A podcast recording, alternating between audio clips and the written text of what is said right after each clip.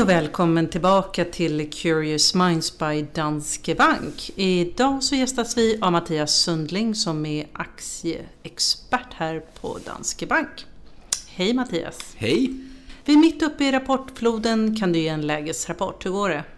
Hörru du, det går bra. Eh, uppenbarligen, börsen har ju gått upp och eh, det är väl rätteligen så för det har varit eh, överlag väldigt starka rapporter. Och Volvo gjorde ju en vinstchock.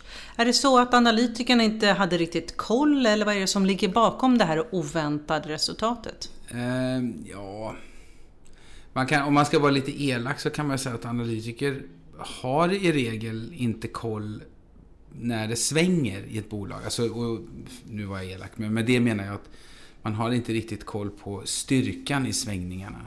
Så när det vänder för ett bolag eller i ett konjunkturförlopp så vänder det oftast mer än vad man kan fånga i, i siffrorna så att säga. Och i fallet med Volvo så är det väl två saker. Dels är det ju liksom en, struktur, en strukturell förändring, att man permanent sänker kostnader och blir mer produktiva och effektiva. Och eh, sen är det ovanpå det då dessutom ett, ett, en konjunkturell förbättring. Och då tror jag så här om industriföretagen, förlåt det blir ett långt svar Men när det gäller industriföretagen så tror jag, där är det nog väldigt svårt att fånga. Ofta så att man underskattar Bolagen har ledig kapacitet, de har en viss mängd kostnader och sen när volymer, produktionsvolymer och efterfrågan ökar så kan man liksom öka på sin produktion utan några ytterligare kostnader och marginal och vinsteffekten blir väldigt stark. Så det var trevligt för Volvos aktieägare i alla fall? Ja, det var det verkligen. Industriföretagen generellt går ju som tåget. Är 2017 industriföretagens år? Och vad säger de liksom på längre sikt? Ska man satsa där? Nej, alltså, eh, det, det, där är det ju nu så här då att, eh, och det tror jag att jag har pratat om här tidigare, där har vi ställt oss lite grann vid sidan nu. Vi, vi, det, jag vet inte om det är industriföretagens år. Det har varit en väldigt stark period för cykliska aktier sen ja, någon gång sen förra sommaren och sen fick den turboboost utav Trump-valet då. Och sen mm. dess har de liksom gått. Kommer hela 2017 att vara industriföretagens år? Eh, det betvivlar jag och det är en öppen fråga. Vi har valt oss att ställa oss vid sidan av som sagt av två skäl och är lite, lite försiktigare just nu och det beror dels och det beror ja, politiska risker. Vi, är lite, vi vet inte riktigt vad Trump ska lyckas åstadkomma som vi hade så stora förhoppningar på och vi tycker att det finns risker i det här med, med Frankrike och, och, valet där och sådär. Eh, så att jag, det, det blir, jag får nästan bolla tillbaka frågan till dig. Det blir industriföretagens år om Trump åstadkommer det som han har snackat om. Om han inte gör det, utan att det fortsätter som nu, då tror jag att vi kanske har att, att industriföretagen har sin bästa tid bakom sig. Återstår att se alltså med andra ord. Men, och, med, och, förlåt, men när jag säger bästa tid, då menar jag ju aktiekursmässigt. Ja, men det förstår jag. Men Ericsson, det är ju ett älskat företag för svenskarna generellt, för aktieägarna. Men det gick ju ännu sämre än väntat och Börje Ekholm har gett sig fram till 2018 för att vända skutan. Hur ser du på den här aktien? Ja, eh, jag får luta mig, och det gör jag gärna, väldigt mycket Eh, mot eh, våra analytiker och det är framförallt Fredrik Littell då, som täcker Ericsson. Så det är såklart, eh, vi pratar mycket med honom. Men jag tror att det är väl ett bolag som är fast i eh, Dels finns det en strukturell eh, nedgång. Man, man, man, säljer mot en marknad som befinner sig i en strukturell nedgång så att säga. Eh, och varje sånt här teknikskifte då när man får en ny generation mobilnät innehåller mindre och mindre prylar. Eh, så det märks mindre och mindre. Eh, samtidigt så känns det då som företaget liksom har suttit fast i en uppfattning om att efterfrågan och volymer och sånt ska vara mycket större än vad de egentligen är. Plus att man dessutom då har varit ganska yviga i att försöka hitta nya tillväxtområden. Det är väl så här, det är väl ett bolag som har varit i en, i en tillväxtbransch som inte längre är en tillväxtbransch. Och den eh, omställningen är ju ganska tuff. Mm. Antingen försöker man hitta ett läge där man tjänar pengar oavsett om det är tillväxt eller inte och det är nog det som Ericsson kämpar med nu. Eller så försöker man då hitta tillväxt i någonting annat som gränsar till det man höll på med. Men vi har ingen in, speciell in... rekommendation för aktien framöver? Eh, jo, jag tror vi har köpt på den. Är jag ganska säker på att vi har. Just därför att den är så lågt värderad. Det ligger så mycket dåliga nyheter redan tagna i den och sådär. Men, men, det, men det blir ju ett bett på två saker. Dels att man lyckas stabilisera saker och ting så att man lyckas tjäna pengar i det här, i det här status quo-läget så att säga. Och sen då också får man väl bedöma deras möjlighet att hitta tillväxt. De, de, Ericsson pratar ju om Internet of Things och sådana här saker som skulle kunna vara en potentiell tillväxtmarknad. Jag kan inte bedöma om det är det. Det viktigaste är nog först att de stabiliserar sin egen verksamhet så att kostnader och intäkter matchar varandra på den här relativt svaga nivån. Då, så att säga. En annan, ett annat segment som också är populärt bland svenska aktieägare är bankaktier. Hur, det har ju gått väldigt bra för bankerna, de sista redovisade idag, det var ju vi. Ehm, men hur ser du på bankaktier och segmentet framöver? Ja, alltså eh, jag ska säga det att just nu så är jag, har jag en ganska tråkig börssyn. För att har, vi har fått väldigt bra betalt för att vara väldigt positiva. Det har gått upp väldigt mycket. Eh, och så, så, vi har liksom tagit ett steg tillbaks. Just nu, för, för mig, så är det... För, för mig då som strateg på, på, på Danske Bank Market så handlar det om att försöka, liksom, tycker jag, ställa sig lite grann vid sidan av, försöka se om, om dimmorna skingras och bara bevara. Så, eh, så jag är väl lite halvnjugg till bank också. Det finns väl en del intressanta banker. Är det några sektorer som du känner bara wow, där Nej, men i av detta följer då att just nu så är vi lite mer... Eh, jag menar, om du tittar på vår den här portföljen som vi har, Selectlist, som jag har pratat om tidigare. Vad tog vi in? Vi tog in en operatör. Det är lite så småtråkigt. Eh, vi tog in konsumentrelaterat. Så att vi försöker liksom hitta stabilitet just nu snarare än, än tillväxt. Ehm. För börsen har ju haft en fantastisk eh, ja. period av uppgång och ja. vissa experter menar ju att toppen är nådd, det är dags att luta sig tillbaka. Bland annat DI skrev ju om det. Hur ser du på det? Ja, några på DI skriver det, va? inte ja, alla. Mitt, ja. Mittelman skriver det, ja, precis. precis. Eh, och han är duktig. Eh, nej, men jag är väl lite grann utav den uppfattningen också. Jag tror, om jag skulle tvingas gissa, att det, att det finns...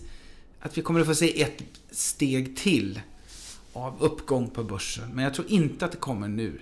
Utan jag tror att vi kommer att gå in i en, eh, i en period som är lite trendlös och lite tråkig de närmaste månaderna. Det kan nog till och med gå ner lite grann tror jag. Kanske, men inte så mycket, 5% eller någonting i den stilen. Men det är desto bättre för oss, för då har vi något att prata om. Ja, men det har vi alltid. Vi har massor att prata om. Men, men jag tror att det finns en sån här gammal tumregel om att man ska sälja i, i maj och hålla sig borta då. Till kräftorna. Till kräftorna, ja.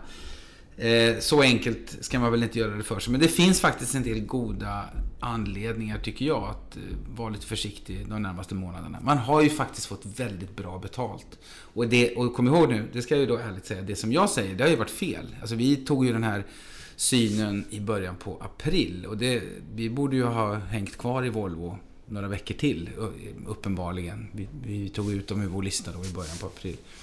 De har ju gått upp 7-8% sedan dess. Ehm, så att, eh, men man har fått väldigt bra betalt. Eh, så jag tycker att man kan ta det lite försiktigt. Om vi berör franska valet lite kort. Vi kommer ja. ju ha en särskild podd efter valresultatet. Men de internationella börserna gjorde ju faktiskt ett litet glädjeskutt ja, efter verkligen. att Le Pen och eh, Macron precis blev valda. Mm. Men var det lite för tidigt att glädjas tycker du? Ja, det tycker jag ju. Och eh, jag tror väl att vi har pratat om det förut. Men eh, vår poäng har ju varit det att det här är ju två val som sträcker sig över två omgångar eh, och som då spänner över två månader. Alla pratar om presidentvalet, ingen pratar om parlamentsvalet. Men även om det nu skulle bli så eh, lyckligt, om man nu tycker så, att Macron vinner så, han, så kommer det bli jättekomplicerat. För att han har ju inte något parti egentligen. Han har ju en slags rörelse, On Marche då som de heter. Så eh, minst lika viktigt som vi har försökt att highlighta då är vad som händer i parlamentsvalet. Och det finns ett sånt där scenario. Det är inte, det är inte huvudscenario, men det är inte, det är inte noll i sannolikhet på det. Att eh, Front National får 20% i nationalförsamlingen. De har 1% idag. Det finns de som gissar och skattar att de, för något år sedan så snackade de om att de kanske borde få runt 10% givet förutsättningarna då. Men mycket har hänt sedan dess, så 20 är inte omöjligt tänker vi. Och då kan man faktiskt trigga en process, sätta igång processen om en folkomröstning om euro-medlemskap, vilket skulle vara otroligt eh, störande på finansiella marknader. Det räcker med en liten sannolikhet eller att marknaden börjar bli orolig för det för att vi skulle få ganska, mycket, ganska stökiga marknader tror vi. Så, så det här är, det, ett, det, är det här ett av skälen till att du tycker att den närmaste tiden är lite, ja, lite otydlig? Ja, vi, har sagt tre, ja, alltså vi har sagt tre saker. På, på, vi på Markets har sagt tre saker. Då, och det är att eh, för det första måste vi se om Trump, Trump kan få lite momentum i, i sina ekonomisk-politiska åtgärder. För, och häromdagen var han ute och flaggade om skattereform. Han har ju inte något stöd för den där skattereformen vi vet inte hur han ska få igenom det. Genom, alltså, måste få lite så konkreta grejer på att han får igenom någonting ekonomiskt politiskt. Den andra grejen är att vi vill helst lägga det där franska valet bakom oss. Och det kan vi faktiskt inte göra förrän i mitten på juni. Parlamentsvalet sträcker sig fram till mitten på juni. Och sen den tredje eh, saken som vi har pekat på är att vi tycker att det vore skönt att se att räntorna stiger. Därför att eh, men det är väl inte så hoppfullt efter Riksbankens besked igår? Nej, nej. Eh, och varför jag vill... Alla gillar ju låga räntor i och för sig, men varför jag säger så är därför att stigande räntor är ju oftast ett hälsotecken. Det är ju ett tecken på att konjunkturen accelererar. Och en av de saker som har stört oss även då under den perioden när vi var positiva, det var just att räntorna faktiskt började gå ner plötsligt. Vi, räntorna sköt ju upp kraftigt till två, I USA steg 10-årsräntan till 2,60 men nu är vi tillbaka ner på 2,30-2,20.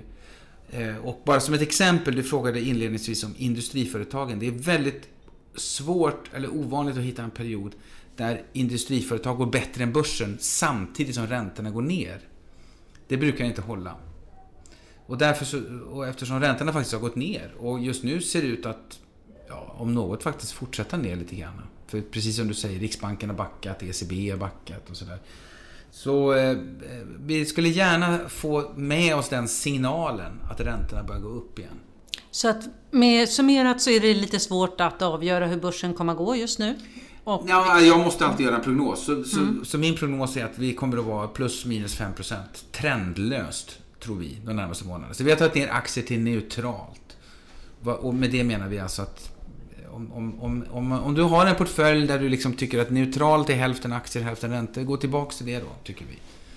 Eh, och sen så eh, vänta in lite signaler om vad som händer med Trump och vad som händer med räntorna och vad som händer i Frankrike. Och det franska valet kommer vi prata om i nästa podd. Mm. Mm, tack för att du kom. Tack Trevlig så mycket. Hej. Detsamma.